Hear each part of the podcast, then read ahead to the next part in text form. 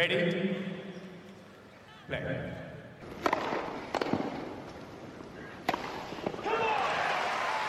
Herkese selamlar. Raket Servise hoş geldiniz. Ben Gökal. Ben Anıl, merhaba. Klasik podcast girişimizi yapıyoruz ama bugün yeni bir işe giriştik. Ee, baktık quiz show'a katılanlar e, böyle bayağı güzel oldu. Eğlendik. Bu podcast'i de canlı yapalım dedik çünkü katılımlı bir olay var. Ee, ödül dağıtıyoruz. 9 tane kategorimiz var galiba. Hem erkeklerde hem kadın, kadınlarda. 2020 sezonu için ödülleri dağıtacağız. Bir de bonus Bir benim- kategorimiz var Türk oyuncular için. Aynen bir tabii biz kendimiz yapacağız ama size de soracağız. Her kategoride siz hangisini seçiyorsunuz? Anıl istiyorsan WTA ile başlayalım. Sonra ATP'ye geçelim. Sonra da ödüllere geçelim. Evet. E, WTA'de e, gerçekten aslında güzel bir Ocak ayı geçirdik. Pliskova ve Barty iyi şampiyonluklar kazandılar. E, bir alt derece şampiyonluğu Serena kazandı ama Serena'nın olayı tabii ki hani o şampiyonluğu kazanmaktan ziyade çok büyük bir başarı imza at- attı. 90'lar, 2000'ler, 2010'lar ve 2020'ler dördüncü 10 yılında da şampiyonluk kazandı. Ve sanırım ilk şampiyonluğu doğumdan sonra. Onun için o, o bizi bir çok gaza getirmişti. Ee, çok da iyi maçlar çıkardı. Ondan sonra Avustralya'da ondan çok büyük şeyler bekliyoruz derken 3. turda birkaç ay önce böyle 6-1 6-0'la elediği Wang Qiang'a elenmişti. Ee, Avustralya'yı öyle kapattı o ama Avustralya'nın tabii bir sürü hikayesi var. Ee, Coco Gauff Osaka'yı yendi. Böyle Amerika açığın rövanşları alındı iki tarafta da. Ee, ama tabii Avustralya için hikayesi şampiyonu Ken'in ve finalisti Muguruza. İkisi de çok iyi turnuva geçirdiler. Muguruza dört tane seri başı birden eledi ki ilk maçında ilk seti 6-0 kaybetmişti. Finale çıkacağına herhalde kendisi de inanmamıştır. Acayip bir iki hafta geçirdi. Sofia Kenin ilk Grand Slam şampiyonluğunu kazandı. O, ismini o kadar çok söylüyoruz ki yani söyledik ki bu sene. Sofia Kenin demek herhalde böyle çok normal. Onun başarıları artık biraz normalleşti ama geçen sene bu arkadaş böyle değildi. Hani 16 numarada falan bitirdi seneyi. E, tabii Serena'yı yenmiştir Roland Garros'ta ama bu kadar büyük şeyleri bu kadar çabuk yapacağını herhalde beklemiyorduk. Avustralya açığın şampiyonu o oldu ve hem de yarı finalde sanırım böyle çoğunun favorisi diyebileceğimiz Ash Barty'yi eleyerek. Çünkü Ash Barty çok iyi bir e, 2019 sene sonu geçirmişti. 2020 başı bir de Avustralya E, ama onu eleyerek şampiyonluğa ulaştı. E, Avustralya'nın iki tane daha önemli haberi var. Bir tanesi Wozniacki'nin tenis kariyerine son vermesi. Zaten turnuvaya girmeden önce biliyorduk. Yani e, son maçını Avustralya'da oynayacağını. Yastremska'ya kaybetti. O son maçı oldu. Çok güzel böyle Sweet Caroline çaldılar e, o arenada. Güzel bir veda oldu onun içinde. E, Avustralya'dan birkaç hafta sonra Sharapova emekliliğini açıkladı. Tam böyle Indian Wells'in başlamasından önce e, on, yani böyle çok iyi zamanda bırakmış iki tenisçiden bahsediyoruz. Pandemi dünyayı sarmadan önce.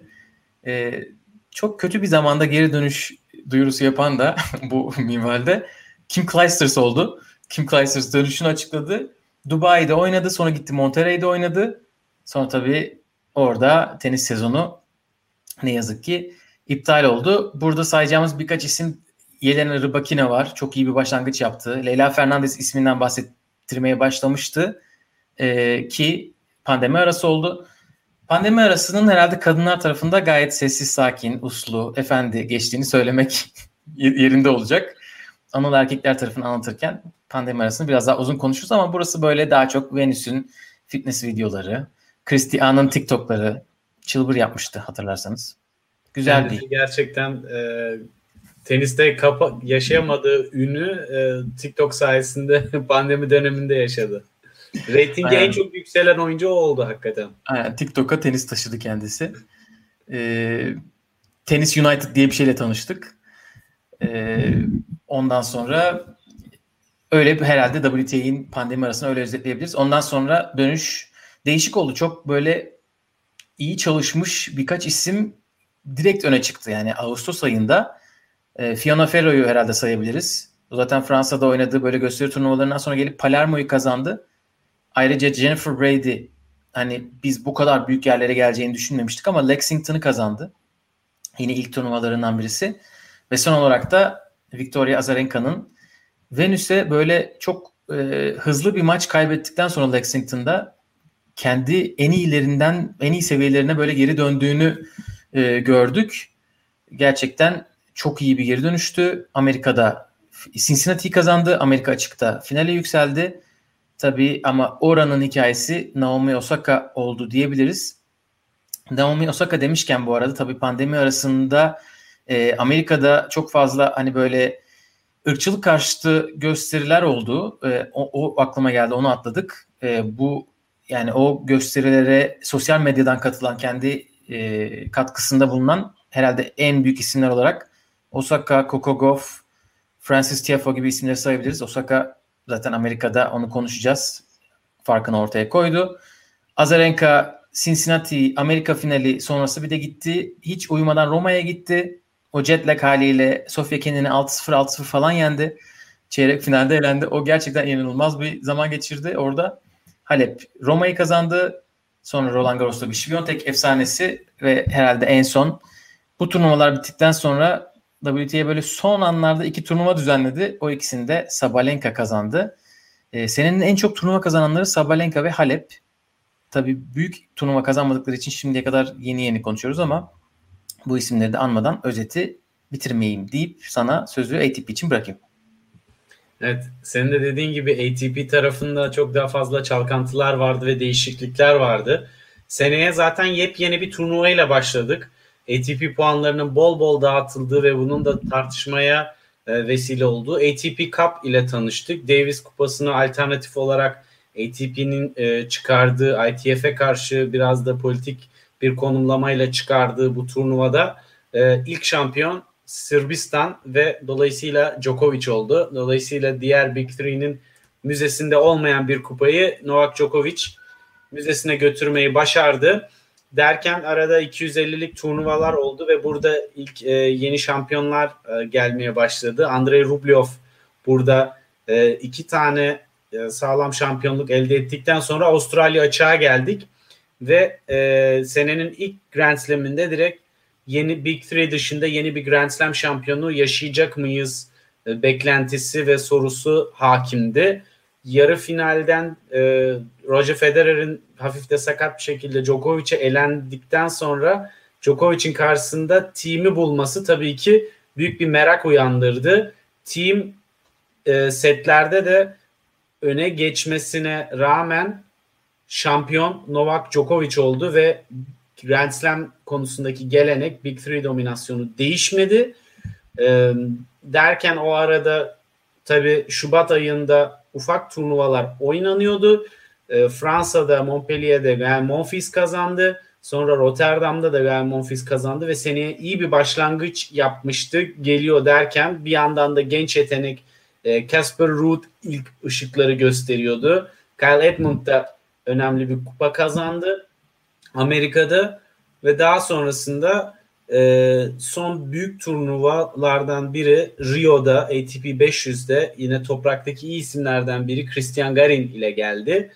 Dubai Novak Djokovic kazandı. Sonra Meksika'da Rafael Nadal 6-3 6-2 gibi net bir skorla yine finalde kazanarak e, du- durumları iyi domine ederken bir anda tabii ki e, işler değişti ve e, Masters turnuvaları öncesinde turnuvaların iptal olduğu haberi geldi Covid döneminde Mart ayı civarlarında ve tenis sezonuna ATP'de de ara verildi. Fakat bu ara gerçekten e, ATP tarafında biraz çalkantılı geçti. Her güzel tarafı Instagram'da o kadar çok canlı yayın yaptılar ki birçok oyuncuyu çok daha yakından tanıma fırsatımız oldu bu dönemde. Çünkü bu kadar birebir birbirleriyle de sohbet ettiler. Ee, en herhalde keşke, komik an. Keşke, keşke bazılarını bu kadar yakından tanımasaydık.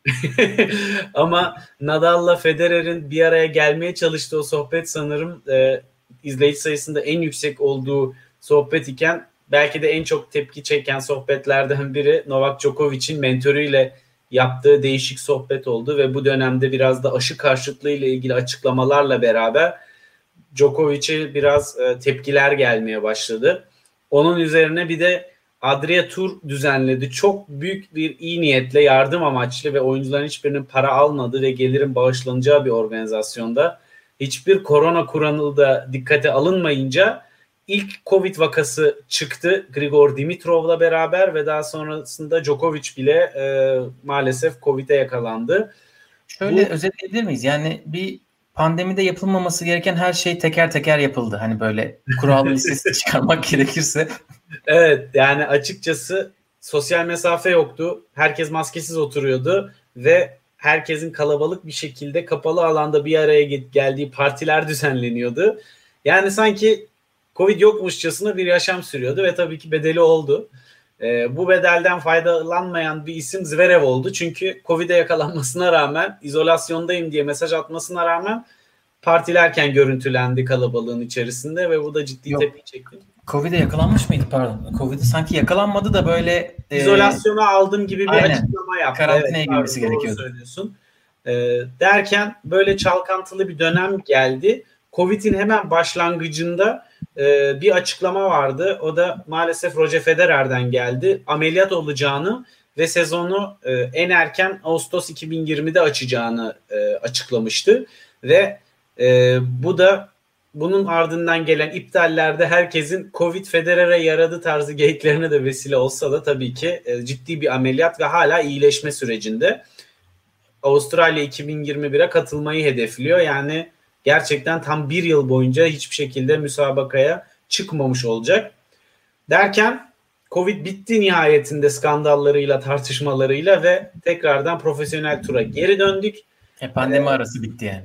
Evet. Pandemi arası bitti. Birçok soru işareti vardı çünkü sıralamalar donduruldu. Sıralamaların dondurulmasıyla beraber oyuncular katılsa da katılmasa da turnuvalara bir önceki senenin puanlarıyla e, yollarına devam edebileceklerdi bu noktada ilk kritik karar Nadal'dan geldi ve Amerika'ya gitmeyeceğini açıkladı. Bu şu demek 1000 puanlık ve 2 puanlık iki büyük turnuvaya e, katılmayacak demek oluyor bu ve dolayısıyla rakiplerine özellikle e, Novak Djokovic'e daha geniş bir zemin tanıyor. E, bunun ışığında da Novak Djokovic Masters şampiyonu oldu ve e, Masters turnuvalarında bütün turnuvaları en az iki kere kazanmayı başaran ilk ve tek isim oldu. Bu gerçekten çok büyük bir başarı. Novak Djokovic'in Masters'lardaki dominasyon açısından. Ve Grand Slam'lerde de US Open'da Novak Djokovic açık ara büyük favori gösterilirken e, tekrar bir skandal patladı ve kasti olmadığını düşündüğüm bir şekilde hakeme top attı ve diskalifiye oldu. Gerçekten yer yerinden oynadı. Çünkü böyle bir durum çok uzun süredir yaşanmıyordu. Özellikle böyle büyük bir seviyede. Novak Djokovic'in diskalifiye olmasıyla yeni bir Grand Slam şampiyonumuzun olacağı e, açıkça ortaya çıktı ve artık kim şampiyon olacak tartışmaları yaşanırken yeni Grand Slam şampiyonumuz Dominic Thiem oldu. Big Three haricinde efsanevi bir düelloya sahip ol, e, sahne oldu maç Alexander Zverev ilk iki seti kazandığı maçta 2-0'dan 3-2 kaybederek çok uzun yıllar sonra böyle bir tecrübeye sahip ilk isim oldu bir Grand Slam finalinde.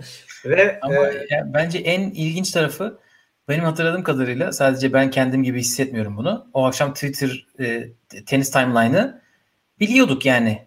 Göz göre göre team geri döndü. Gelecek evet. gelecek dedik ve geldi. Ama tabii o 5. setin sonu o ayrı bir hikaye. Özellikle ikinci sette 5-1'den 6-4'ü anca seti kapaması 3. set için bir sinyal veriyordu. Ama tabii ki 5. seti izlemeyenler muhakkak izlesin. Çok bambaşka bir psikolojik e, analiz çıkabilir oradan. Ve US Open'ın bitmesiyle Avrupa'ya geçtik.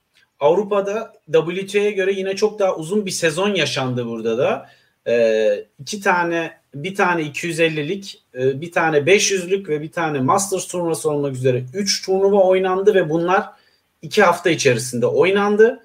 Çok yoğun bir takvim ve ardından Grand Slam, Roland Garo geldi. Büyük tartışmalar yine fanus tartışması ee, ve burada değişmeyen tek bir şey oldu o da şampiyon. Onun dışında çok fazla sürpriz ve ilginç maç sonucu gördük. Ama Rafael Nadal gerçekten mükemmele yakın bir oyunla Philip Chatrier'de zaten en iyi oyununu oynadığını biliyoruz. Novak Djokovic'e karşı mükemmel bir e, final izletti bize ve e, 13. Roland Garros şampiyonluğuna ulaştı. Zaten bunu bir daha hiçbir tenisçinin başarabileceğini hiçbirimiz sanmıyoruz. İnanılmaz bir rekoru daha da uzattı. Roland Garros'un bitmesiyle beraber Rublev kupalarını toplamaya devam etti. Ee, St. Petersburg'da bu sefer. Köln'de iki hafta üst üste turnuva düzenlendi ve ikisinin de şampiyonu Alexander Zverev oldu iyi bir oyun göstererek.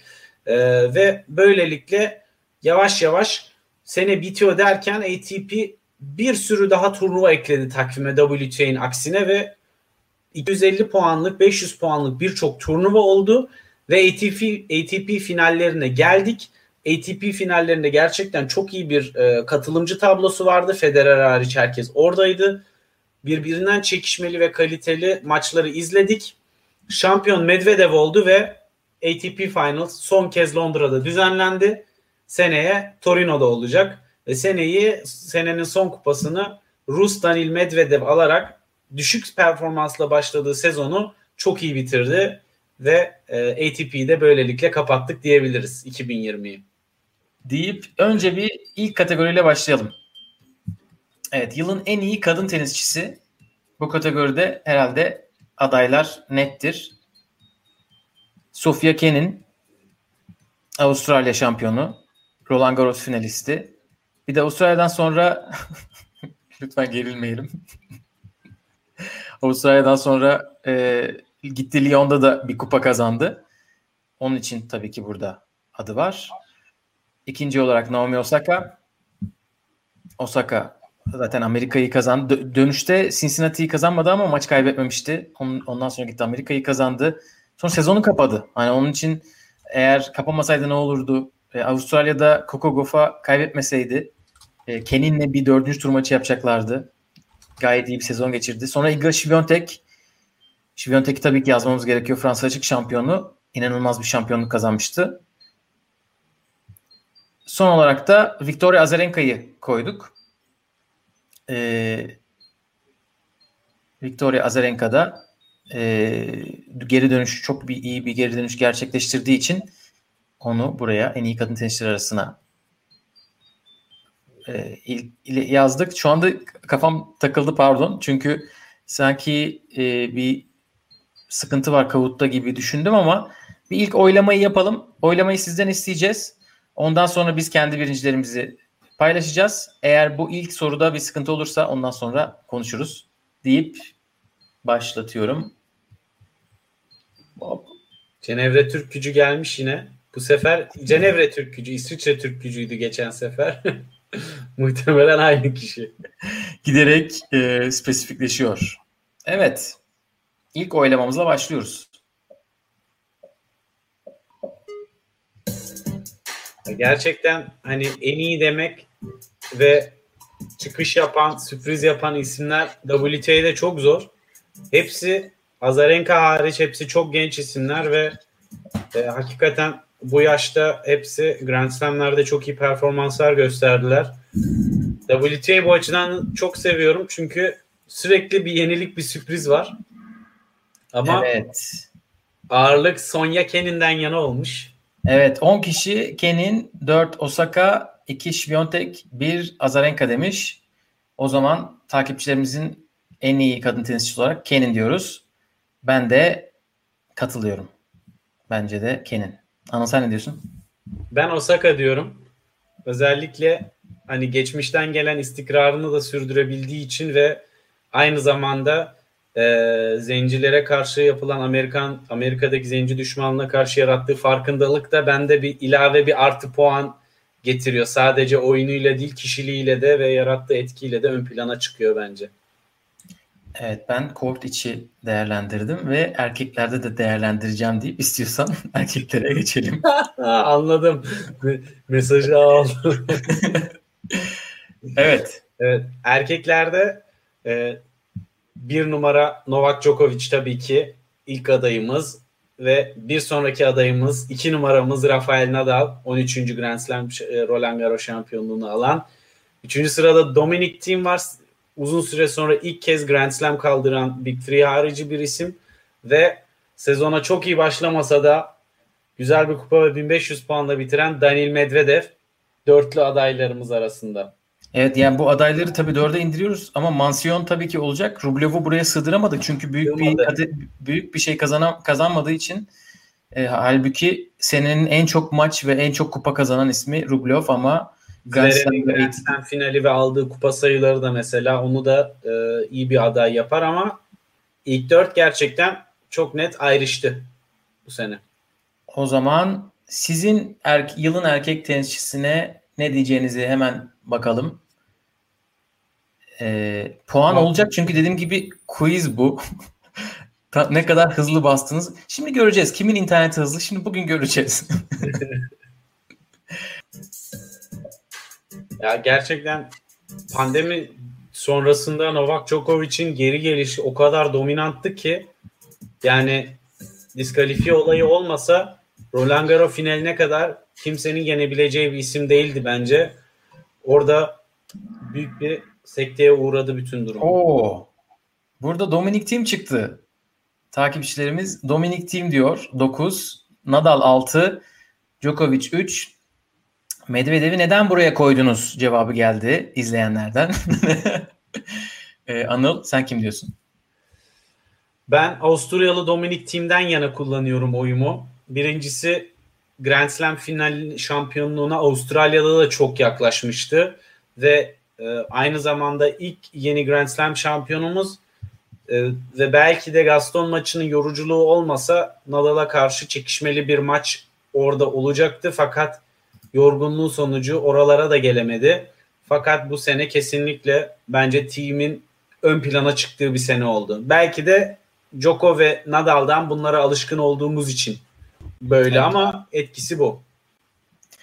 Ya bu sene gerçekten bunların hepsini seçerken böyle altına şu şöyle olsaydı böyle olsaydı diyebileceğimiz bir sene. Çünkü Nadal Amerika'ya katılmadı. E, pandemi arası olmasaydı ne olurdu? Ama e, ben Djokovic diyorum. E, çünkü e, yani o diskalifiyeye rağmen hani iki Grand Slam şey bir Grand Slam şampiyonluğu bir final bu tamam. Bir de üstüne e, Cincinnati ve Roma'yı kazanması her ne kadar orada ki oyuncu kalitesi hani normal bir Masters turnuvasına kadar göre çok iyi olmasa da ama Djokovic o diskalifiye olmasaydı Amerika'yı kazanacaktı çok büyük ihtimalle. Onun için tabii Nadal Amerika'ya gelseydi ne olacaktı gibi. Nadal e, biraz daha erken başlasaydı Roma'yı kaptırır mıydı? Cincinnati'de team eğer 2000 tane e, gösteri maçı oynamasaydı ilk turda elenir miydi? Bir de böyle 6-2 6-1 falan kaybetti. Gibi gibi sorular ki aslında Djokovic de çok iyi oynamadan kazanmıştı Cincinnati'yi. Onlara rağmen ben Djokovic diyorum. Evet. Yani erkek tenisinde biraz da şey pandemi öncesi ve sonrası biraz daha net ayrışıyor gibi. Biraz daha değişik e, WTA'ya göre. Biraz o, o yüzden net kümüle değerlendirme zorlaşıyor. Ama team tabii ki yani bu sene efsane bir sene geçirdi. Eğer ATP Finals'ı kazansaydı evet. bence bence şey olacaktı yani. Hani Djokovic o kadar net olmayacaktı benim kafamda. Çünkü hem Avustralya'yı kazandı, şey, pardon Avustralya'da final oynadı ki kazanmak üzereydi. e, Amerika'yı kazandı. Bakalım önümüzdeki sene neler yapacak diyelim ve de sıradaki kategoriye geçelim mi? Defne'nin sorusuna cevap verirsen geçebiliriz. Helal olsun. Evet. ee, bunu fark edene o yastık hediye olacaktı. evet gerçekten de Anıl raket koyduğu için benim elimden bu geldi sadece. Tutturabildiğim koltuğu. şunu da belirtmek lazım. Saygın sormuş. Ambulans konusu. Gökalp'in evinin önünden mütemadiyen ambulans geçiyor. Podcast yayınlarında da ara sıra duyabilirsiniz. Neden bilmiyorum ama. Yaş hastane, orada hastane yolundayız. Yerde yaşadığı için muhtemelen sürekli birileri sıkıntı çekiyor. Hastane yolundayız evet en iyi çok değil tabii ki en çok gelişme gösteren kadın tenisçiyi oyluyoruz. Şimdi bu kategoride çok fazla isim var aslında. Şimdi e, Şiyontek ile Ken'in aslında buraya çok yakışacak hatta burayı alması gereken isimler ama zaten onları en iyi kadına koyduğumuz için buraya koymadık. Çünkü burada çok fazla isim var dediğim gibi. Jennifer Brady, Leyla Fernandez, Nadia Podoroska ve Fiona Ferro. çok kısaca bahsedeyim hani e, fikir vermesi açısından. Jennifer Brady çok büyük bir e, hani off season geçirdi geçen sene geçen kışta. E, Ocak ayında zaten çok iyi başlamıştı. Maria Sharapova'nın son iki maçından birisi kendisidir. Orada elemelerden gelip yendi. E, pandemi arası sonrası Lexington'da şampiyon oldu. Amerika açıkta zaten neler yaptığını biliyoruz. Yarı finalde Osaka'ya kaybetti. Ve Fransa'da da aslında çok iyi bir maçta ilk turda kaybetmese orada daha şeyler olabilirdi. E, Leyla Fernandez çok genç. E, sanırım 18 yaşında. 2002 doğumlu. E, o zaten pandemi arasından önce kendini göstermişti. Yükselmeye devam ediyor. Kvitova'yı az kalsın eleyecektir Roland Garros'ta.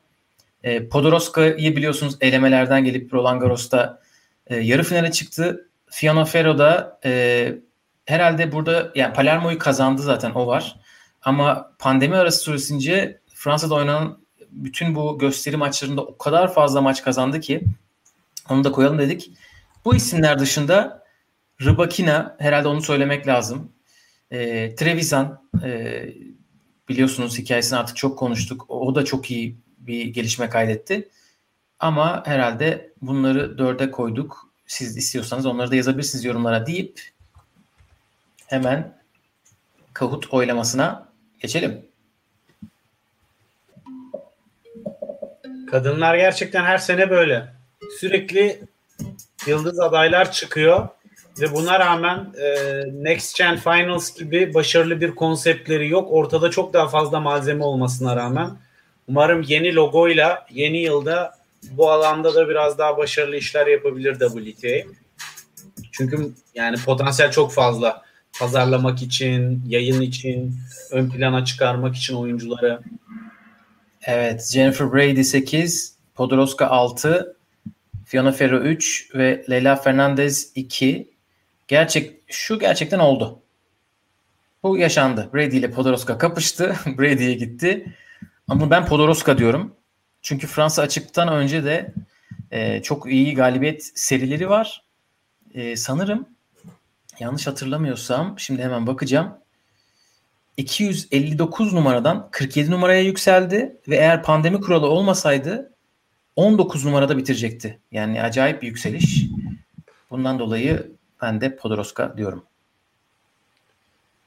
Ben seyircilere katılıyorum daha ziyade. Tabii bu sıralama konusu dondurulmuş puanlardan dolayı değerlendirmesi çok daha zor bir şey. Ee, özellikle ATP'de çok fazla yukarıda kalan oyuncu var. Ee, ama Jennifer Brady'nin ben Amerika'daki performansını e, çok şaşırtıcı buldum ve ya o da biraz geç yaşta bence hani daha erken yapabilecekken patlamayı şu anda bence yaptı. Sert zeminde seneye neler yapacağını çok merak ediyorum. E, Jennifer Brady de bu arada 56 numaradan geçen senenin sonunda 24'e yükselmiş. Pandemi kuralı olmasa 11. sırada. Çok iyi bir yükseliş gerçekten. Pandemi kuralı bütün hesap kitabı karıştırıyor tabii ki. Tabii tabii aynen öyle. Dinozorlar hala yukarıda Federer gibi. 5 numarada hiç maç yapmadan. Evet. Hemen erkeklere geçelim. Erkekler tarafında da gerçekten bu sene oldukça fazla yeni isim var. Birincisi 2019'da İstanbul'da Challenger oynarken bu sene Antwerp'te kupa kaldırırken kendini bulan Ugo Umber, Fransız oyuncu. Andrei Rublev seneyi 5 tane ATP kupası kazanarak bitirdi. Yannick Sinner Next Gen Finals'a 2019'da Wildcard ile kazıtılıp şampiyon olduktan sonra bu sene ATP turunda da ilk kupasını kaldırdı. Kupa Sofya'dan bu arada hani böyle UEFA kupası tadında devasa ama ve hani hakikaten unutulmaması lazım. Uzun yıllar ilk 20'de boy gösterse de Diego Schwartzman üst seviyeye çok yaklaştı bu sene ve e, o top 10'e girme zorluğu ve o üst düzey oyunculara baş ağrısı yaratma zorluğunu e, yaşatmayı başardı. Hani o eşik sıralamayla ölçümlenebilecek bir eşik değil kesinlikle. E, o açıdan Diego Schwartzman da kesinlikle yaşına rağmen inanılmaz bir sıçrama yaşadı bu sene bence. Evet. O zaman hemen başlayalım. Ya özellikle Schwartzman'ı tabii çok e, toprak zeminde ön plana çıkıyor. Ama ATP Finals'da bundan dolayı da tabii ki çok varlık gösteremedi. tarz oyuncular için toprak sezonunun kısa olması bu sene tabii ki sıralamada ve e, sezon hazırlıkları açısından biraz daha zorluk yaratıyor. Her oyuncunun kendi sevdiği zemini var, iyi olduğu ve tenise başladığı zemin var. Rublyova çok yaradı bu sene o açıdan. Ben çok aradayım burada. O 14 Rublev gelmiş, 5 Siner, 3 Schwartzman, 1 Hugo Amber. Ben burada o kadar aradayım ki sözü sana bırakıyorum. ben Schwartzman diyorum. Şundan dolayı Schwartzman diyorum. Ee, Rublev'un kazandığı kupa sayısı 5 olsa da bir tane arada Masters olsaydı kritik bir rakibi yenerek e, o zaman diyebilirdim. 5 kupa kazanmış. 5. Ama Tsitsipas galibiyeti Hamburg'daki gerçekten büyük bir maçtı. Fakat Schwartzman'ın Nadal'a karşı toprakta oynamış olduğu oyun çok başka bir seviye bence. Dominic Thiem'i yendi ki bundan önce en son 5 sene önce Roland Garros'da Thiem Nadal dışında birine kaybetti. Ee, bunu başarmak çok büyük bir gelişim ve Schwartzman'ın boyunun kısalığı düşününce zaten bence ayrı ayrı baş, kendi başına bir e, konu esasında Schwartzman'ın tenisteki erkekler tenisindeki başarısı. Evet ben tamamım. Ee, Rublev diyorum ben.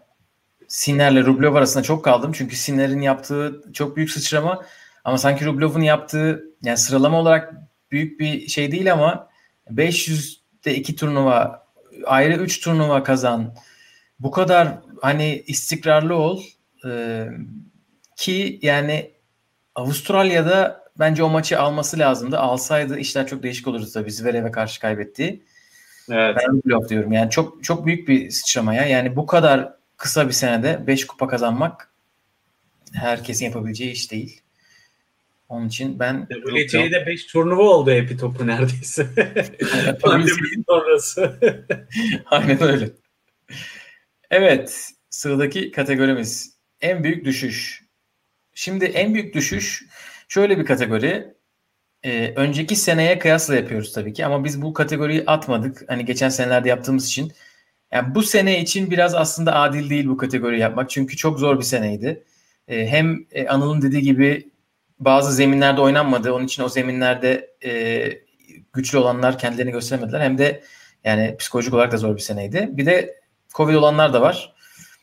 E, Konta ile başlıyoruz. Konta geçen seneye göre yani oldukça kötü bir sene geçirdi. Belinda Bencic ne zaman sakatlığı bitecek Bencic'in? Ne zaman? İsviçre doktorlarını göreve davet ediyoruz. Üçüncüsü ki sakatlığı da çok fazla yoktu galiba bu sene. Üçüncüsü Alison Risk. E, bu hani o zemin kategorisine belki yazabiliriz. Çünkü Çim'de geçen sene efsane bir form yakalamıştı. Ve son olarak da Angelique Kerber Kerber'in zaten biliyorsunuz düştükten sonra sıçrıyor. Herhalde o senesindeyiz şu anda. Diyelim ve de sözü size bırakalım. Hemen oylamaya geçelim. Kadınlar tarafında iniş çıkışlar tabii çok oluyor ama genç yaşta olmayan oyuncularda biraz daha istikrar beklentisi olduğu için en büyük hayal kırıklığı da belki de biraz da orada daha tecrübesi yüksek olanlarda hani dört isme de bakınca genç diyebileceğimiz isim aralarında Benčić ama o da sürekli bir iniş çıkış halinde ve 2019 esasında çok iyi geçirmişti. Evet Amerika'da çok iyi bir şey yapmıştı. Yani çeyrekte yok yarı finalde elendi. Oo 19 Kerber. Kerber buranın ismi diyor izleyiciler. 19 Kerber. Dünyasını birleştiren isim oldu Kerber. Kutuplaşmanın çok olduğu bu isimler üzerinde tartışma dönerken. Aynen 19 Kerber, 2 Konta, 2 Risk, 1 Benčić. E ben geçen sene 2019'u çok kuvvetli olduğu için bu sene ona göre kafamda çok düştüğünü düşündüğüm için Konta diyorum. Ve sözü sana bırakayım. Ben seyircilere katılıyorum. Çünkü Kerber hani yenildiği maçlarda da oynadığı turnuvalarda da çok kötü bir oyun oynadı. Yani e, pandemi sonrasında da iyi geri dönemedi. Yani geçmiş bir numara dünya bir numarası Grand Slam şampiyonu dört kere yanlış e, hatırımda değilse böyle bir dip seviye ve bu kadar basit mağlubiyetler olmaz. Üç evet doğru. Ee, evet. O zaman hemen bir sonraki kategoriye geçelim mi? Erkeklerde aynı soruyu soracağız.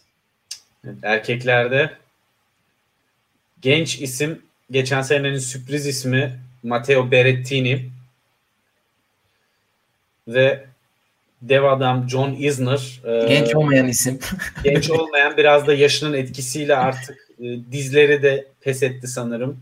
Amerika'daki sezon da kısa sürdü. İstikrarsızlığıyla tanınan Fabio Fonini baba olduktan sonra istikrarı daha da düştü.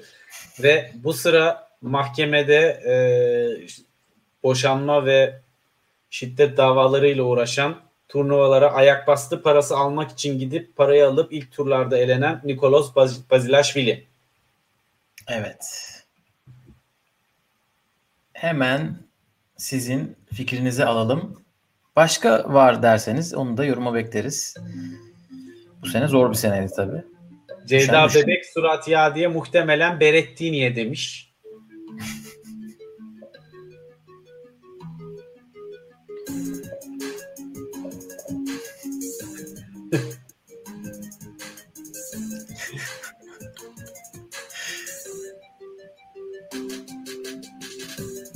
Eda da tahminini herkesten önce bizimle paylaşmış.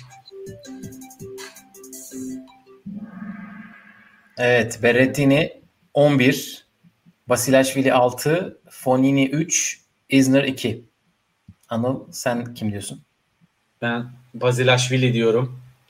Çünkü tenis namına hiçbir şey yapmadı bu sene. Geçen sene ATP 500 turnuvası kazanmış bir isimden bahsediyoruz. Ee, ve bu sene hiçbir şey koymadı ortaya. Bu yani, sene pandemiden sonra galiba 8 turnuva oynayıp 8 maç kaybetti arka arkaya. Öyle hatırlıyorum. İşte Kendisi. maç kaybetmiş evet yani hiçbir şey yapmadı diyorsam en azından turnuvalara gitmiş ama ayak bastı ilk tur maçları için güzel para alıyorlar. Muhtemelen bunlar için seyahat edip üstüne parasını alıp gezmeye devam etmiştir. Bir de sponsorların şu kadar turnuvaya katılman lazım su zorunluluklarını da yerine getirdi. Allah bereket versin. Ee, ben Berrettini diyorum. Berrettini efsane bir sene geçirmişti 2019'da. Çim'de kazandı, toprakta kazandı. Sonra gitti Amerika açıkta yarı final oynadı. Bu sene nerede olduğunu bilmiyoruz. Ee, bilen haber versin. Gerçekten büyük bir düşüş yaşadı. Ama onu zaten bir tane daha böyle bir kategorimiz var. Onu orada da göreceksiniz. Deyip şimdi biraz pozitif gidelim. En iyi geri dönüş konuşuyoruz kadınlarda. İlk isim tabii ki Victoria Azarenka eski formuna dönen bir isimden bahsediyoruz. Büyük sahnelerde oynuyor. İkincisi Svetlana Pironkova. 3 senedir yoktu. Amerika açıkta oynamaya başladı. Hani doğumdan sonra bu sene geleyim demiş 2020'de. Gelip çatır çatır insanları eleyemezsiniz. Ee, Svetlana Hanım. Ve Serena'ya kadar yükseldi. Orada çok güzel maçlar oynadı. Ki Amerika açığı da sadece konuşmamak lazım. Fransa açıkta da çok iyi oynadı. Ee, sanırım ikinci ya da üçüncü turda elendi ama e, çok iyi maç çıkardı kaybettiği maçta da. Patricia Mariatig yine e, doğumdan dönen isimlerden birisi. Elindeki mükemmel kupa İstanbul Cup'a ait. İstanbul Cup'ta Eugenie Bouchard'ı yenerek şampiyon olmuştu. Son olarak da Garbiñe Muguruza'yı koyduk. Burada bu isimlere biraz uymuyor ama biraz 35 numaralar, 35 numaralara kadar düşmüştü ama o da kendince yani Grand Slam şampiyonluğundan olan bir isimden bahsediyoruz. 2016-17'de kazandı. O zamandan beri bir yoktu. Çok iyi bir Avustralya açık geçirdi diyelim ve sözü size bırakalım. Bakalım siz kimi seçeceksiniz? Hakikaten US Open'ın da o açıdan çok güzel bir hikayesi vardı. Üç tane annenin e, hamilelikten dönüp çocuk sahibi olup geri dönmesi. Pironkova, Azarenka ve Serena Williams. Bu hani kadınlar tenisinde çok zor, en büyük zorlayıcı noktalardan birisi. Ee, kariyer mi, çocuk sahibi olmak mı? Çünkü bu seviyede atletik seviye tekrar geri dönmek hamilelikten sonra epey vakit alıyor. E, çocuğunuzla duygusal bağ kurarken iki sene geçmiş gitmiş bile oluyor ve e, bu da tabii ki çok çok uzun bir süre. Evet, Azarenka ezici çoğunluk 19 oy almış. Muguruza 2 oy, Tig ve Pironkova'ya oy yok. E, ya Azarenka çok büyük iş başardı gerçekten. 2020'nin başında Ocak ayında tenisi bırakmayı düşündüğünü söyledi röportajlarda. Hadi bir de bir son defa deneyeyim demiş ki Lexington'daki Venüs'e kaybettiği maçtan sonra az kalsın bırakıyordur herhalde.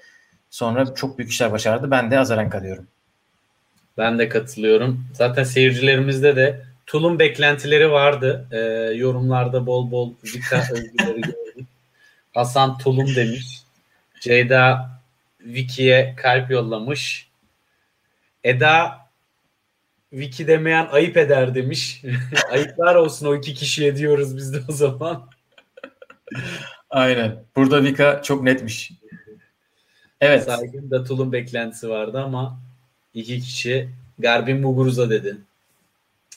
Erkeklerde de bu kadar efsanevi geri dönüşler olmasa da göbeği çıkmış tombalak bu nasıl oynayacak derken Raonic e, finale kadar çıktı Masters'ta.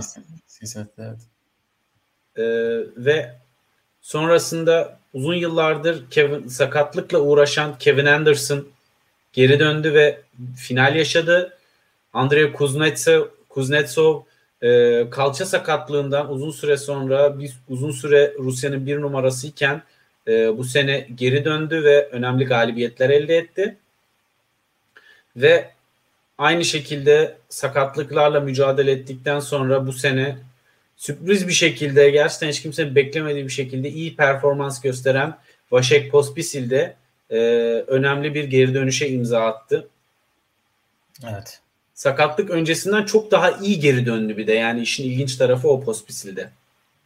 Evet o çok iyi maçlar çıkardı. Hem Cincinnati'de hem de Amerika açıkta sonra Sofya'da da finale kadar yükseldi. Evet. Kevin Anderson da çok iyi bir ATP Cup geçirdi.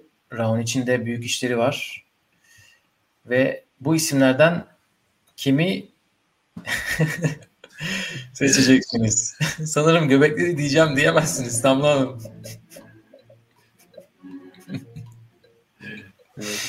Şimdi Raon için adı da Türk tenisinde göbekli olarak kalırsa burada. Yok sadece bizde değil dışarıda da öyle. Tam resmen fotoğraf açılarının kurbanı oldu. Yok ya. Almış bence. Yanaklar şişmiş eski fotoğraflarla karşılaşınca. Evet. 10 Pospisil, 7 Raonic, 2 Anderson. Evet Kanadalılar ilk ikideler e, seyircilerimiz Postbisi demiş. Anıl sen kim diyorsun? Bu zafer PTPA organizasyonuna yazar diyorum ben. ben bence e, yani ölçümlenmesi zor bu sene ama ben Raonic diyorum. Çünkü çok fazla sakatlıklarla mücadele edip iyi bir seviyeye geldi gerçekten. E, o yüzden ben Raonic diyorum. Ben Pospisil diyeceğim. E, sırtından çünkü yani büyük ameliyatlar geçirdi iki defa ve dediğin gibi bence eskisine göre çok daha iyi oynuyor. E, ve pandemi arası olmasaydı herhalde o devam ederdi o momentumu. Bakalım önümüzdeki sene neler yapacak. Hop. Pardon hemen yanlışlıkla şey yaptım başlattım. Evet kadınlarda en büyük sürprizi çok çabuk göstereyim. Valla teşekkür ederim e, çabuk oy verdiğiniz için fazla basmanın kurbanı oldum. Evet burada şunları söyleyecektik. Serena'nın Avustralya'da aldığı Wang Chiang mağlubiyeti kendisini ezip geçmişti. Şiviyontek'in Roland Garros şampiyonluğu kendi başına bir sürpriz zaten. Clijsters'ın dönüşü çok şaşırtmıştı bizi. Bir de elemeden gelen iki isim Roland Garros'a damga vurmuştu. Evet Şiviyontek demiş izleyenler 8 oyla. Tabii ben biraz oy sayısını katlettim. E, elenmeden gelen büyük iş yapan ikili Podoroska ve Trevisan da 6 sonra Serena'nın mağlubiyeti takip ediyor burada sürprizleri. Ben de Şviyontek diyeceğim. Ben de katılıyorum çoğunluğa ama Clijsters'ın geri dönüşü ve Podoroska ile Trevisan'ın başarıları da gerçekten büyük sürprizler ve büyük başarılar. E, Clijsters da doğumdan ve 3 çocuk annesi olarak geri dönüp fiziken çok hazır olmasa da e, göstermiş olduğu seviye gerçekten inanılmaz. Ama Sviontek'in yaptığı o final performansı ve bütün turnuva boyunca tarihin belki de e, en dominant performanslarından birini göstermesini zaten kimse beklemez. Yani çok olağanüstü bir durum gerçekten. Evet. E, bundan sonra yavaş yavaş basıyorum. Kusura bakmayın. E, saygın bende. Olay bende. Şimdi yavaş yavaş erkekler sürprizlerine geçiyoruz. Hemen scoreboard'umuza bakalım. Evet. Evet. Next'e basmıyoruz Gökhan. Scoreboard'la oynadım. evet erkekler. Evet biraz hızlanalım o zaman. Ee, Sonego'nun Djokovic'i 6-2 6-1 gibi saçma bir skorla yenmesi kimse beklemezdi. Hugo Gaston'un Wawrinka'yı tüketip team'i neredeyse turnuva dışına atmasını da sanırım kimse beklemezdi. Schwartzman'ın Nadal'ı Roma'da yenmesi çok iyi bir maçtı. Gerçekten onu da yani Nadal ve sürprizse sürpriz Rublev'in 5 turnuva şampiyonluğunu herhalde kimse beklemiyordu senenin başında. Evet, Hele burada biraz bekliyorum. Burada biraz düşünme payı. Önceki sorunun hatırına diyorum ve de kafamızda cevaplar oluştuysa Go Gaston'u bir hatırlayalım. 2500 tane bugünkü sayım 2500 drop shot atmıştı. E, Sonego ailesi inanmadı. Schwartzman'ı biliyorsunuz neler yaptı. Onu zaten e, Nadalcılar hatırlar. Rublev'u zaten bol bol konuştuk. Buyurun efendim. İrem'in Schwartzman sevgisini kabartan maç diyebiliriz aynı zamanda.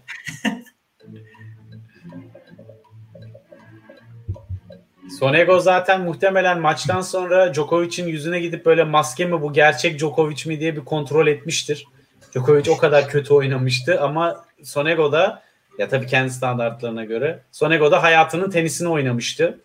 Evet burada çok yakın tabii olaylar da biraz birbirine yakın. Sonego'nun galibiyeti 7, Schwartzman'ın Nadal galibiyeti 7, Hugo Gaston geliyor sonra 4 ve Rublev'un 5 şampiyonluğu 3. Anıl ne diyorsun? Ben Gaston diyorum. Yani Wawrinka Challenger'ları kazanıp çok iyi gelmişken Toprak bir de Roland Garros'da şampiyonluğu bulunan birisinden bahsediyoruz. Onu mental olarak tüketerek elemesi ve team'in gerçekten Schwarzman'a elenmesinin en büyük sebebiyeti olması, o yıpratması çok bambaşka bir şey. Sonego'ya şu yüzden diyemiyorum. Çünkü Djokovic bir numarayı garantiledim sene sonu diyerek resmen maçı verdi ve bu dolayısıyla e, sürpriz kategorisine biraz da hayal kırıklığı kategorisine doğru kayıyor aynı zamanda. Ben o yüzden Gaston diyorum. Evet ya ben de bu burası o kadar yakın ki böyle eleye eleye gittim. E, Rublev herhalde bir tane yani 500'lük finalinde hani gerçi Tsitsipas eledi ama o kadar istikrarlı bir şekilde büyük isimler eleseydi onu söyleyebilirdim. Nadal'ın daha ilk turnuvasıydı. Üçüncü maçıydı galiba. Üç ya da dördün, üçüncü maç olması lazım. Sonego hakkında katılıyorum. Onun için ben de Gaston diyeceğim. O kadar drop shot attı. Ee, ertesi maç buna team nasıl hazırlanamadı? Demek ki çocuk çok iyi atıyor. Ee, bir defa Next'e basıyorum. Ve de evet yeni liderimizi de hoş geldin diyelim Dambala'ya. Sıradaki kategoriye en büyük hayal kırıklığına geçelim. Şimdi en büyük hayal kırıklığının düşüşten tek farkı şu. E, çok kötü bir sezon geçirmemiş olabilir buradaki adaylar ama bizim beklentimiz çok yüksektir.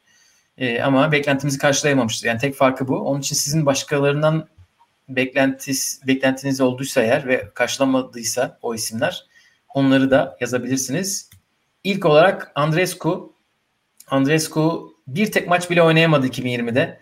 Herhalde böyle saçma bir sene olacağını bilse ne yapar eder? Avustralya'ya giderdi belki de. Tam iyileşti derken tabii sezonu ara verildi. Ondan sonra da geri dönüşü sürekli ertelendi ama şu anda iyiymiş. Şu anda Monte Carlo'da çalışıyor. Ee, ikinci olarak Benčić.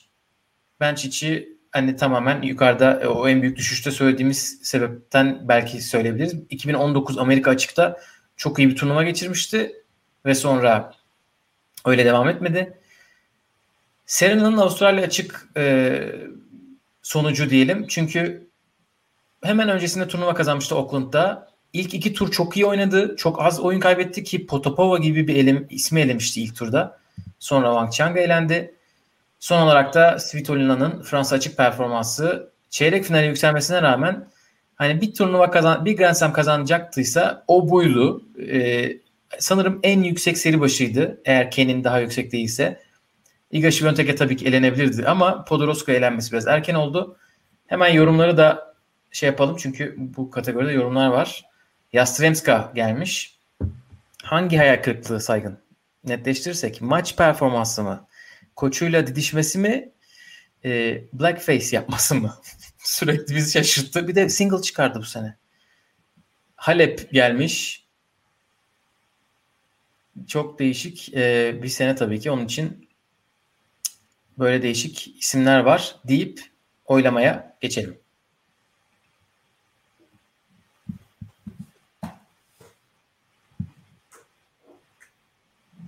Evet kadınlarda kim beklentileri karşılamadı? Bunu soruyoruz. Kim hayal kırıklığı yarattı? Neyse insanlar tenisteki hayal kırıklıklarını yazmışlar. Kimse özel hayatındaki hayal kırıklıklarından bahsetmemiş. 2020 sanırım özel hayatta da hayal kırıklıklarıyla dolu bir sene olduğu için. Hangi tenisçinin ne olduğunu öğrendik. Kim kimmiş? Kim mutluluk trampolininde huzuru arıyor? Kim gıybet evet, Svitolina. Svitolina 9 oyla buradan birinci çıktı. Arkasından Serena ve Andreescu geliyor 5'er oyla. Bench işte bir oy. Ben de katılıyorum. Ben Svitolina'nın en az bir final görmesini beklerdim. Öyle bir durumda. Ki aslında iyi bir ilk haftada geçirmişti. Zor isimlerle oynamıştı. Evet, çok sürpriz bir şekilde elendi o da. Ee, beni de Fantasy Game'de yakmıştı. Kendisine inanıyordum. Sen kimi diyorsun? E, ben de Svitolina diyorum. Ya Serena'nın Avustralya açığı da biraz şey ama e, sene sezon başlarını on, öngörmek her zaman biraz daha zor. Doğru, doğru, doğru. Sezon başı sürprize açık. Erkekler. Evet, erkeklerde Bıyık Reis, Alex de Minor. Neredeydi bu sene? Matteo Berrettini gerçekten ATP Finals'tan sonra toparlayamadı gitti. David Goffin bu sene evet. tekrardan toparlayacak dedik ee, ve Roland Garros'da yaşadığı sakatlık yaşamışçasına kötü bir performans gösterdi. Ve son olarak Rapstar'ımız e, Deniz Shapovalov Davis Cup'ta finale yükseldikten sonra Kanada ile geçen sene hala da o istediğimiz 10 sıçramasını bir türlü gerçekleştiremedi. E, o istediğimiz seviyeye gelemedi. Potansiyeli var. Bakalım. Ama iyi, bir, iyi bir Amerika açık geçirdiğini ekleyelim. Yani orada evet. çok kazanmaması gereken bir maç kazandı. O iyiye gittiğini gösteriyor bence. Taylor Fritz maçıydı sanırım. O maçı iki taraf da birbirine ikram etti bu arada. Yani e, hani Mert abiye selam olsun buradan. Kendisi Twitter'da kafayı yemişti. Bu nasıl bir maç diye. E, evet Evet lütfen bıyık üzerin, üzerinden seçim yapmayalım. ya da istiyorsanız yapabilirsiniz. Evet. Seçimi size bırakıyoruz.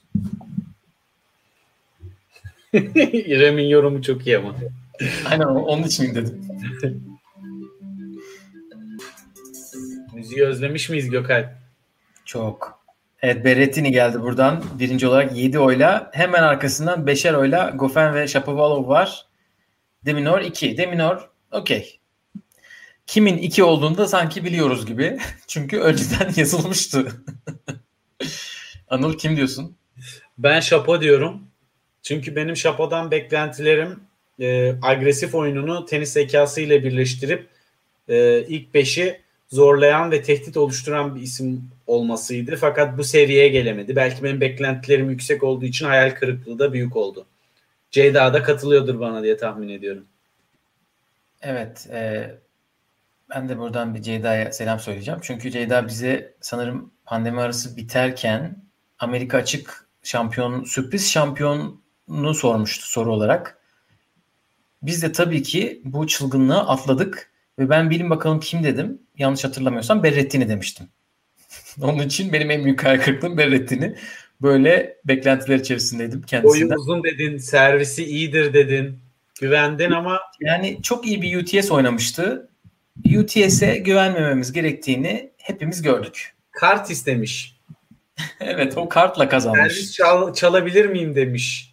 O Ultimate Tennis Showdown'daki o oyun tenisinde Demiş ki, benim rakibimin boyunu 10 santimetre kısaltın kartını kullanıyorum diye diye kazanmış. evet Berettin'i bizim benim hayal kırıklığım oldu. Katılıyorum. Oo evet daha hızlı basanlar yükseliyor. Sıradaki kategoriye geçelim. Yavaş yavaş artık son kategorilere geliyoruz. Yılın maçını konuşuyoruz. Burada çok fazla maç var güzel. Dört tane koyduk. İlki Brady Osaka Amerika açık yarı finali. İkincisi diğer Amerika açık yarı finali. Çünkü o gün inanılmaz güzel bir gündü. Azarenka Serena. Üçüncüsü Kenin Muguruza'nın Avustralya açık finalleri. Ve son olarak da bir birinci tur ekledim. Çünkü bu maç gerçekten çok güzeldi. Clara Towson'la Jennifer Brady'nin oynadığı ve 3. set 9-7 biten maç. Bunların dışında tabii girmeyip güzel olan çok güzel maçlar var. Bugün mesela WTA kendi maçları arasından Halep'le Rybakina'nın Dubai finalini seçmiş. Ama bu ilk dördü layık gördük şıklara. Ee, Serena Wang müthiş yorumu gelmiş. Oylamaya geçmeden önce başka hatırladığınız güzel maç varsa onu da konuşabiliriz. Ama şimdi istiyorsanız bu dört maç üzerinden oylamayı yapalım. Yılın maçını seçmek ve seçenek de oluşturmak biraz daha zor. Çünkü özellikle ilk turlarda, ikinci turlarda o kadar çok maç aynı anda oynanıyor ki e, takip etmesi, hatırda kalması tek tek maçların biraz daha zor. Ama şu anda hızlı basma yarışı mı oluyor? sanırım Berk şu anda bu konuda liderliği ele geçirdi.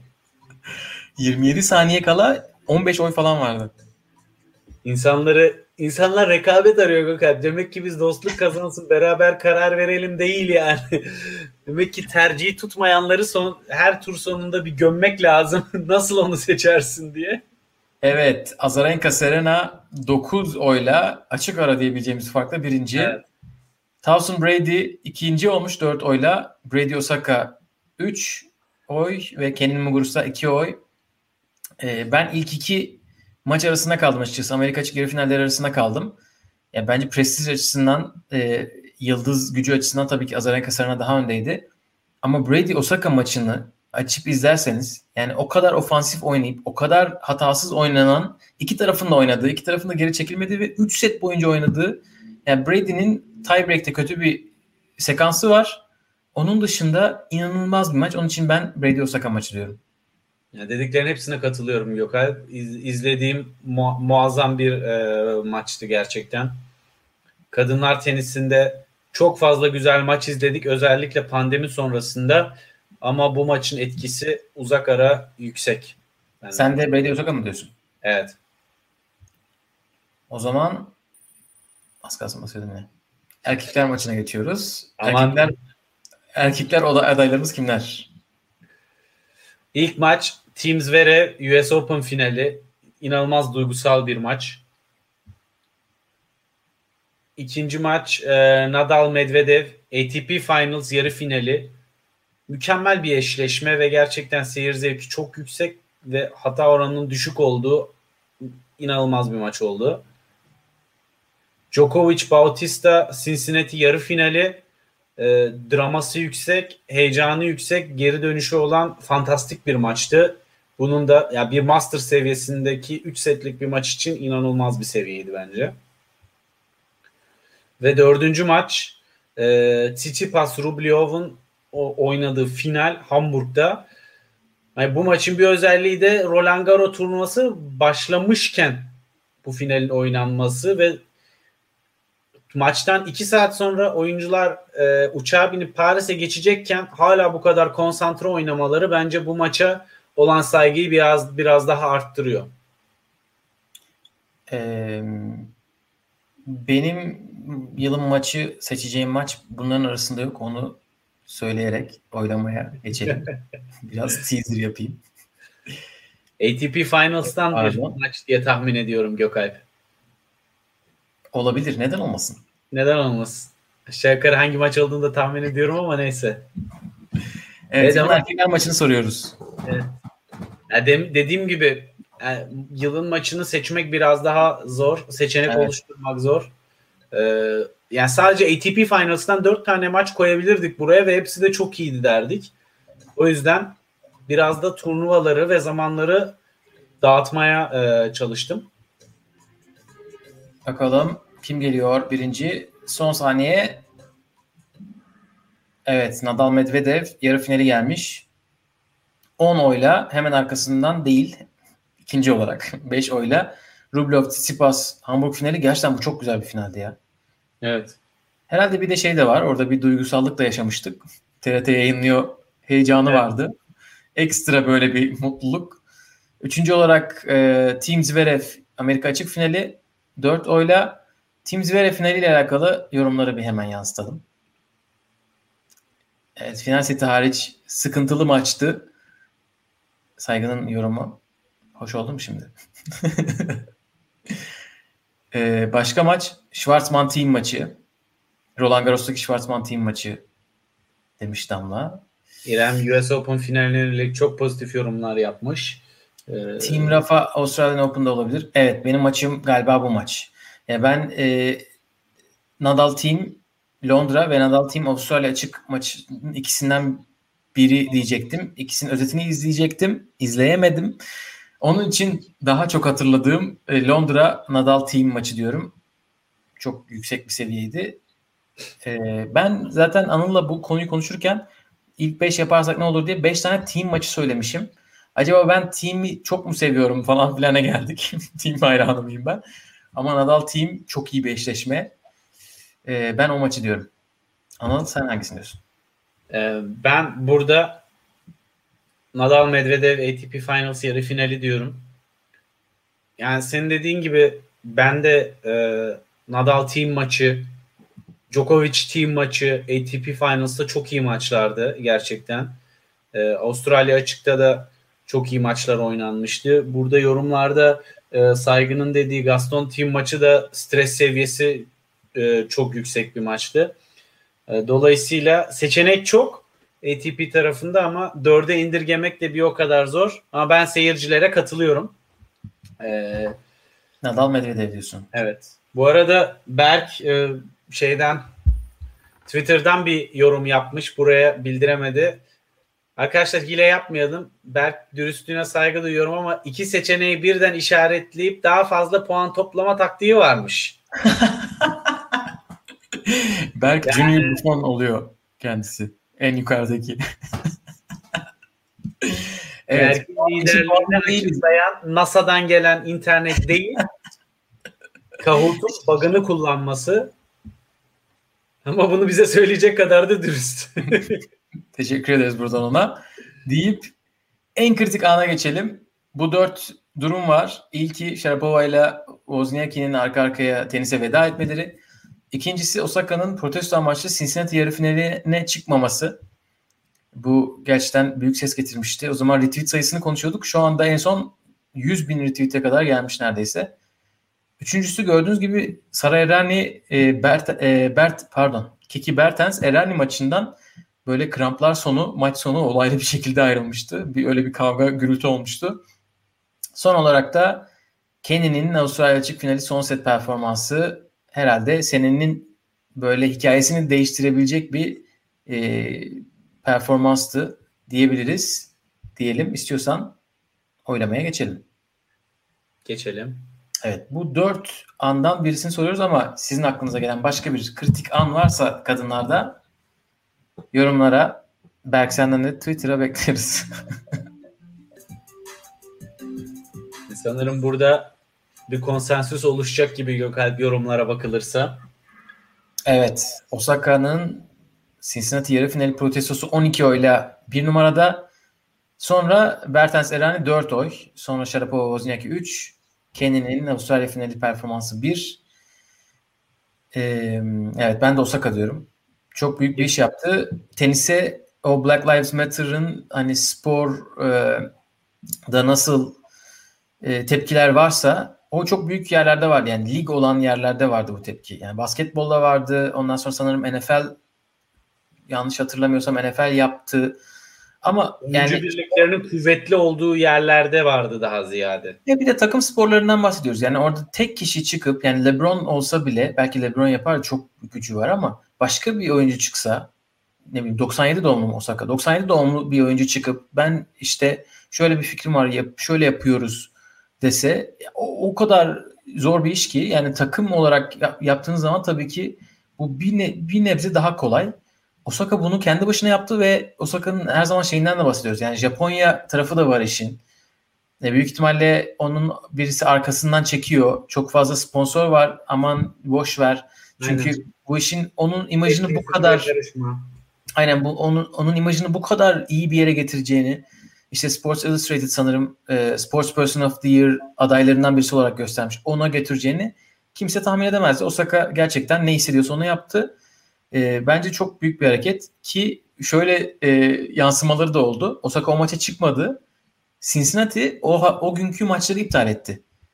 Ve o günkü maçların iptali bize neden sorulmuyor diye Djokovic ile Pospisil PTPA kurdular. Hani bu tabii ki son damla olmuş ama iş o kadar büyüdü ki e, gerçekten çok kritik bir ana dönüştü. Sırf Black Lives Matter değil de böyle bütün her şeyi e, ulaştığı bir an oldu diyeyim. Ben de Osaka diyorum. Yani şunu belki çok kısa eklemek gerekir. Siyahilerin dominant olmadığı ve ağırlıkta olmadığı bir sporda bunu yapmak ve beyazların sporu diye geçen bir sporda bunu yapmak ekstra bir başarı. Bunu NBA ve NFL e, ile kıyasladığımızda. Evet evet evet aynen öyle. Evet zaten seyirciler de buna katılıyor. Erkeklerdeki en kritik anda geçelim istiyorsan. Geçelim. Evet. Erkeklerde bakalım kimler var? Bilin bakalım kim var erkeklerde. o belli oldu. en kritik anlar tabii ki e, herkesin hatırladığı bu kritik poz Djokovic'in US Open'da diskalifiye edilmesi anı Rafael'in Rafael Nadal'ın 13. kez şaka gibi ama 13. kez Roland Garros e, kupasını kazanması ve Instagram'dan Twitter'dan bu şekilde bir duyuruyla gördüğümüz haber Federer'in diz ameliyatı Don, e, Benoit Pair'in New York'ta US Open fanusuna Covid'i sokması, günahsız insanların karantinaya girmesi, özellikle Timea Baboş'un hiçbir şeyle alakası yokken durduk yere bütün maddi olarak zarara uğraması, tenis oynayamaması filan büyük skandaldı. Evet. Hemen sizin ne dediğinizi alalım. Bizim kaçırdığımız bir şey mi var? Damba'da Federer'in istifası demiş. Ya istifa değil ya da daha devam ediyor. Değil mi? Bir sen neden böylesin yorumu gelmiş İrem'den. Ceyda duygusal rafacı. Nerede rafa orada ben demiş. Evet. Ama... E, Djokovic 13 ben daha da fazla bekliyordum. Ama evet. tabii ki Nadal severler. Nadal'ın 13. Roland Garros zaferi demiş olabilirler. Federer severler belki diz ameliyatı demiştir. 3. Evet Per burada 0. Djokovic. Bence bu yani eğer 2020 gibi bir senede olmasaydı bu tenis dışında da dünyanın en kritik anı olabilecek bir olay neredeyse. Yani çok saçma sapan bir olay. Grand Slam'de dünya bir numarasının böyle bir sebepten anında diskalifiye olması. Bir de o akıl tutulması. Fısır fısır konuşmalarını falan hatırlıyorum süpervizörle. Çok ne olacak ya? Bilerek değildi ki. Çok çok garip bir anda evet gerçekten. Evet. Sen ne diyorsun? Ben de katılıyorum yani. Çok tartışmaya açık bir şey değil bence.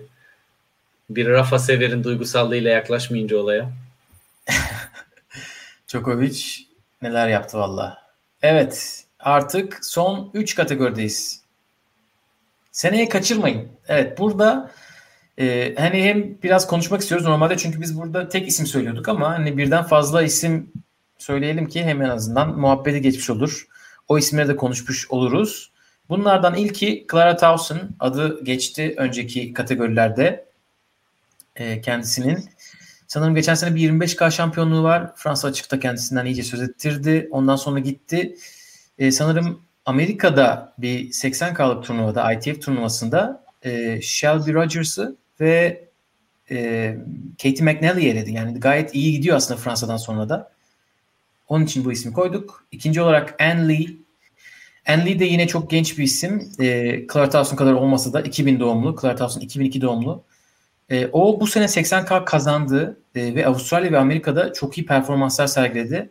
Amerika'da Kerber'e kaybetmese devamda ederdi.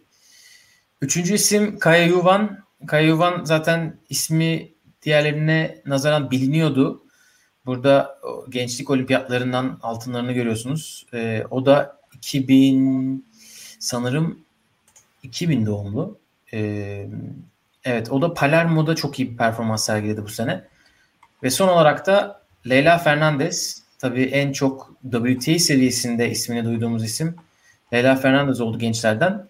Ki bu kadar hani WTA'de iyi maçlar çıkarmasına rağmen o e, 2002 doğumlu Towson'la yaşıt en gençlerden birisi.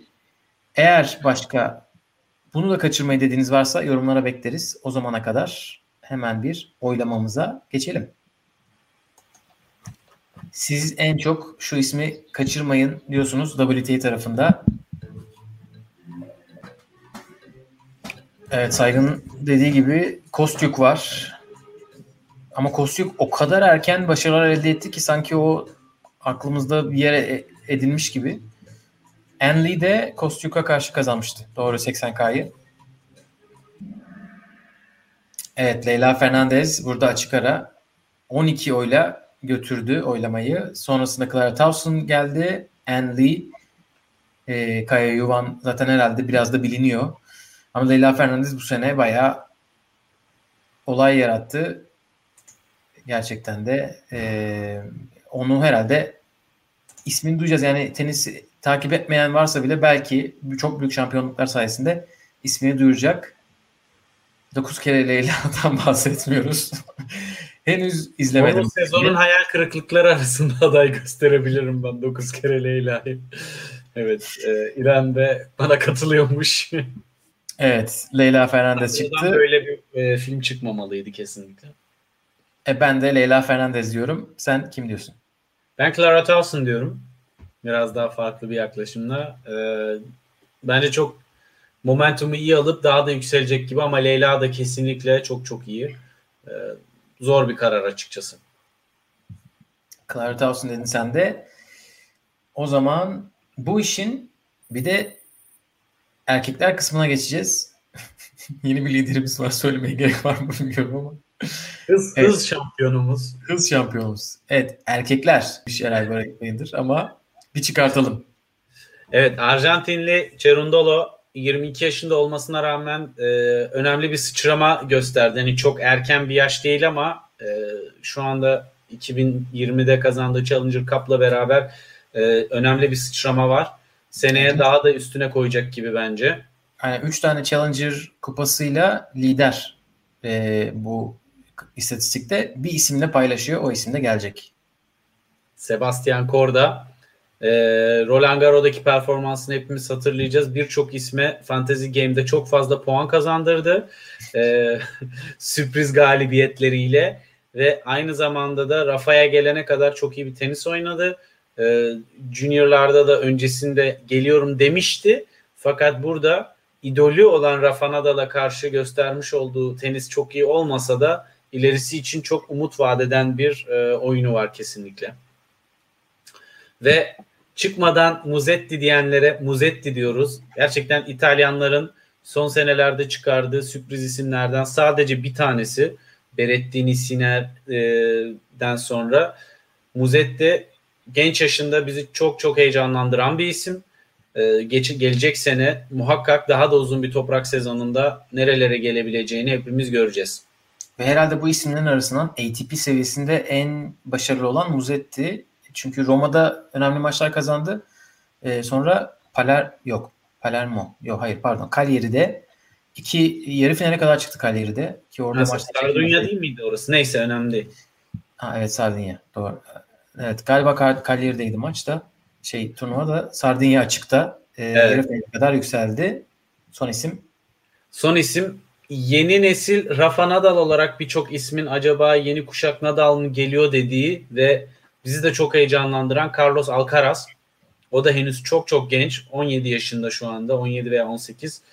Ee, ve umarım Babolat'ın Rafa için ürettiği versiyonunu kullanır da normal e, piyasadaki satılanı kullanmaz çünkü o çok kötü bir raket resimdeki.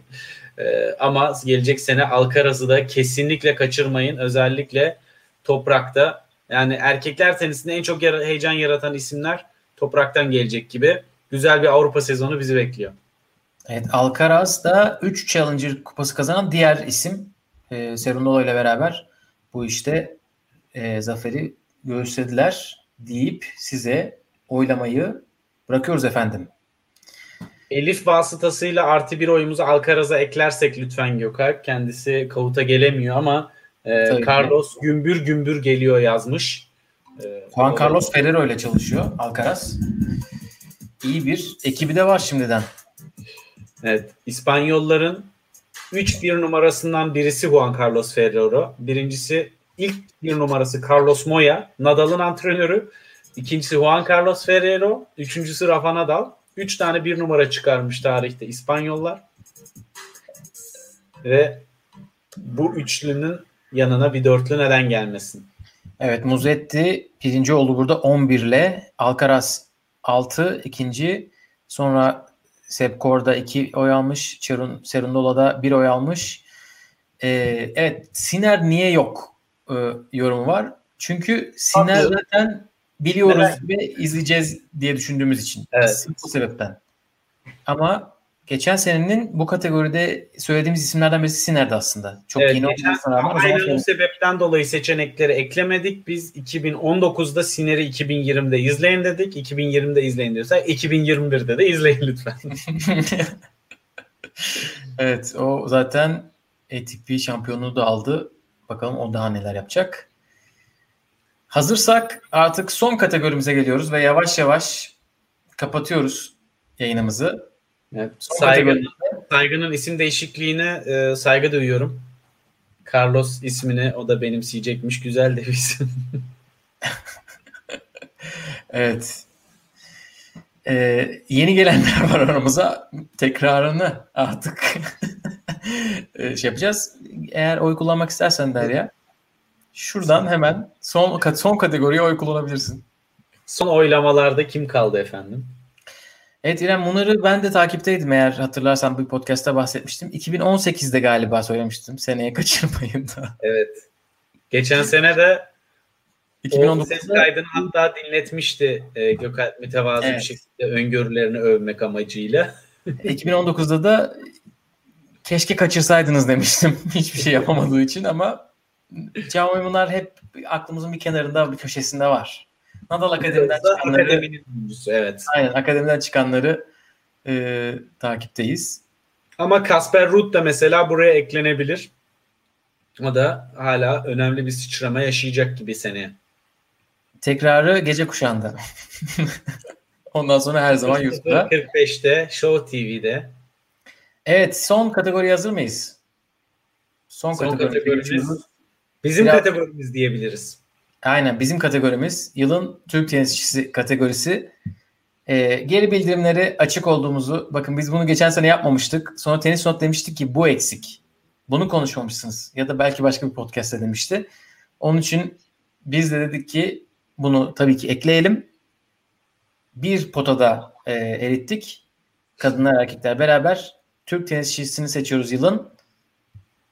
Evet. İlk isim Cem İlkel. Cem en büyük e, olayı bu seneki Kimpe Challenger turnuvasını kazanması ve ilk 200'e girmesi oldu. Çok büyük bir başarı. Challenger seviyesinde sadece iki şampiyonumuz var. Biri Marcel'di, diğeri Cem. İkincisi Çağla. E, Çağla pandemi arasından döndükten sonra çok iyi bir Prag turnuvası geçirdi. Arka arkaya 4 maç kazandı. E, ve o hani 125K'lık bir turnuvaydı ve o kadar da bir kurası vardı yani 128'lik bir kurası vardı. Ee, hani böyle şey gibi düşünmeyin. Oyna oyna bitmeyen bir turnuvaydı. ITF turnuvaları gibi de değildi böyle. Hani e, oynadığı isimler hep böyle 100-200 arasındaydı gibi hatırlıyorum. Onun için gayet iyi bir turnuva geçirdi. Ondan sonra 25K'lık bir turnuvada sanırım yarı final gördü. Ee, yani o güzel bir sene başı geçirecek inşallah 2021'de. Üçüncü isim Pemra Özgen.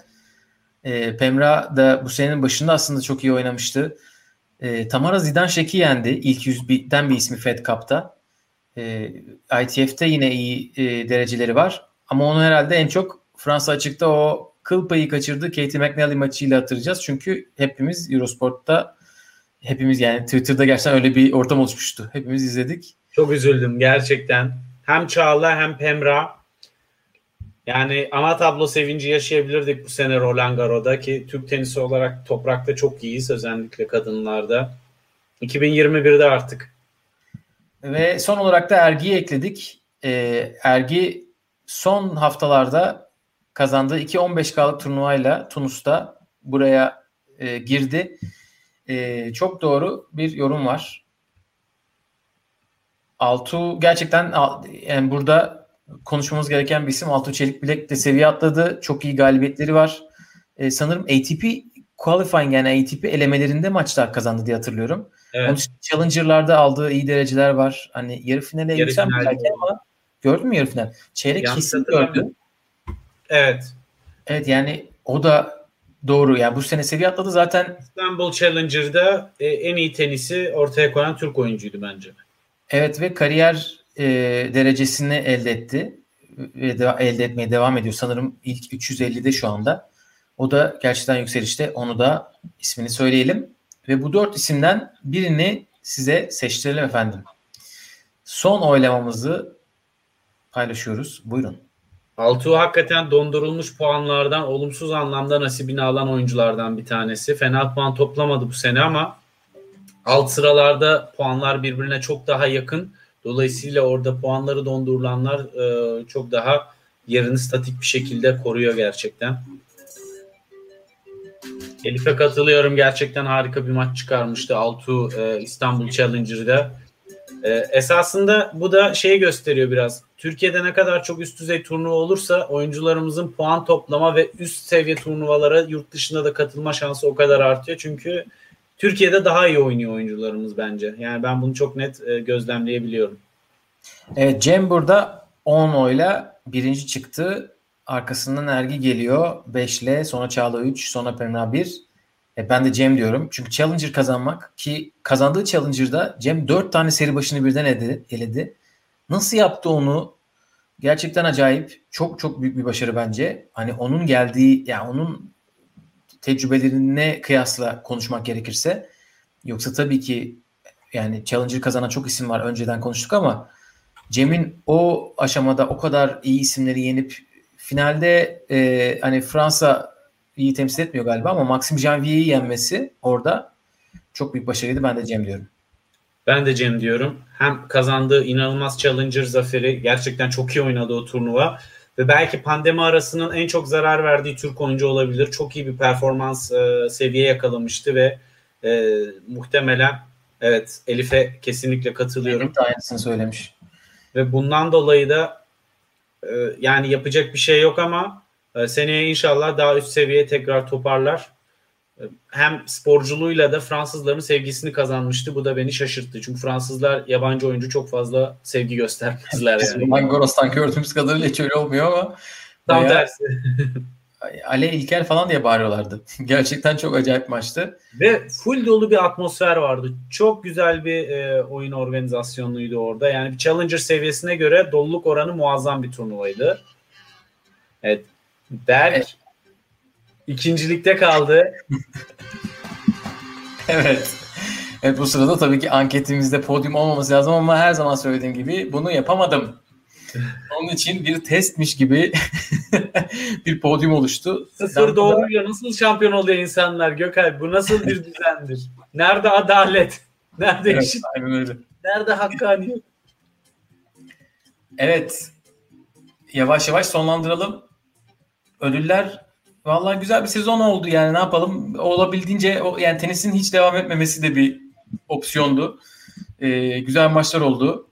Herhalde yani biz bir de bu sene kendi podcastimiz olduğumuz için e, Twitter hesabımızdan sizinle çok daha fazla iletişime geçtik. Çok fazla böyle hani insanla tanıştık. Onun için o anlamda herhalde en güzel, güzel o anlamda. Çok daha Aynen. fazla e, kaynaştığımız tenis Twitter olarak e, bütünleştiğimiz ve TTSB ekibinin de destekleriyle tenisi TRT Spor'a getirtebildiğimiz e, bir dönem. Etkinliğimiz artıyor. Gerçekten bu da sevindirici. E, de, tenisi daha çok kişiye ulaştırmak ve daha çok kişinin bu sporun içinde olması için biz de yayınlarımıza aralıksız devam edeceğiz. Bir sonraki quizimize de çalışmaya başlayın şimdiden diyoruz. Derken evet, Derya da Evet, quiz bir daha olacak. Quiz sorusu gelmiş. E, quiz olacak. Yapacağız. Bu ay yapacağız değil mi? Sene bitmeden. Tabii tabii. E, hatta bir quiz dizisi oluşturup sonunda da büyük bir ödül vermeyi düşünüyoruz. Bu kadar söyleyelim şimdilik. Ee, yani çok büyük düşünmeyin. Bek- beklentiyi çok yükseltmeyelim. TL bazında büyük. evet Damla tam sormuş bunu ödül olacak mı? 1 GB internet verseydiniz evet gerçekten bunu e, ama 1 GB internete kıyasla büyük ödülümüz Gökalp. Sırf podyuma daha hızlı çıkabilmek için. Evet. E, hemen burada TTSB'yi de reklamını yapalım. Yan e, yan kuruluş demeyeyim. Nasıl denir? Kardeş kardeş tenis hesabı. Komşu. Aynen komşu kardeş tenis hesabı. Komşu ee, kuruluş. Evet. Yakın Eda zamanda tenis de e, komşu kuruluşlarımızdan bir tanesi. O da Aynen YouTube. öyle. E, bu arada Türk tenisini konuşarak bitirdik. E, Eda'nın YouTube kanalının reklamını da yapıp öyle kapatalım. Çünkü Mert abiyle beraber çok güzel iki röportaj yaptılar. Hem Çağla Büyükakçay'la hem de Pemra Özgen'le böyle derin ve e, başka yerde çok duymayacağınız güzel sorular, e, cevaplar olmuş. Onu da tavsiye edelim. Klasik e, formal röportajlardansa çok daha sıcak ve samimi cevapların olduğu bir e, bölümler olmuş gerçekten. Aynen öyle. E, quiz'e olduğu zaman geç başlamıyoruz. Evet bu sefer zamanında başlıyoruz. 5 dakika bekliyoruz. Herkes zaman yerinde zamanda gelsin. Diyelim burada kapatalım istersen Anıl. E, Elif'in yoruma gülüyorum da bant reklamı çıkmışsın çıkmışım gibi diyor. evet. Aynen. O zaman bir sonraki yayında ve podcast'te görüşmek üzere diyoruz. Herkese iyi akşamlar. Karantinada mutlu kalın. Tenisle kalın. YouTube'dan eski maçları izleyip seyirciler varmışçasına psikolojinizi düzeltmeye çalışın. Hoşçakalın. Görüşmek üzere. Hoşçakalın.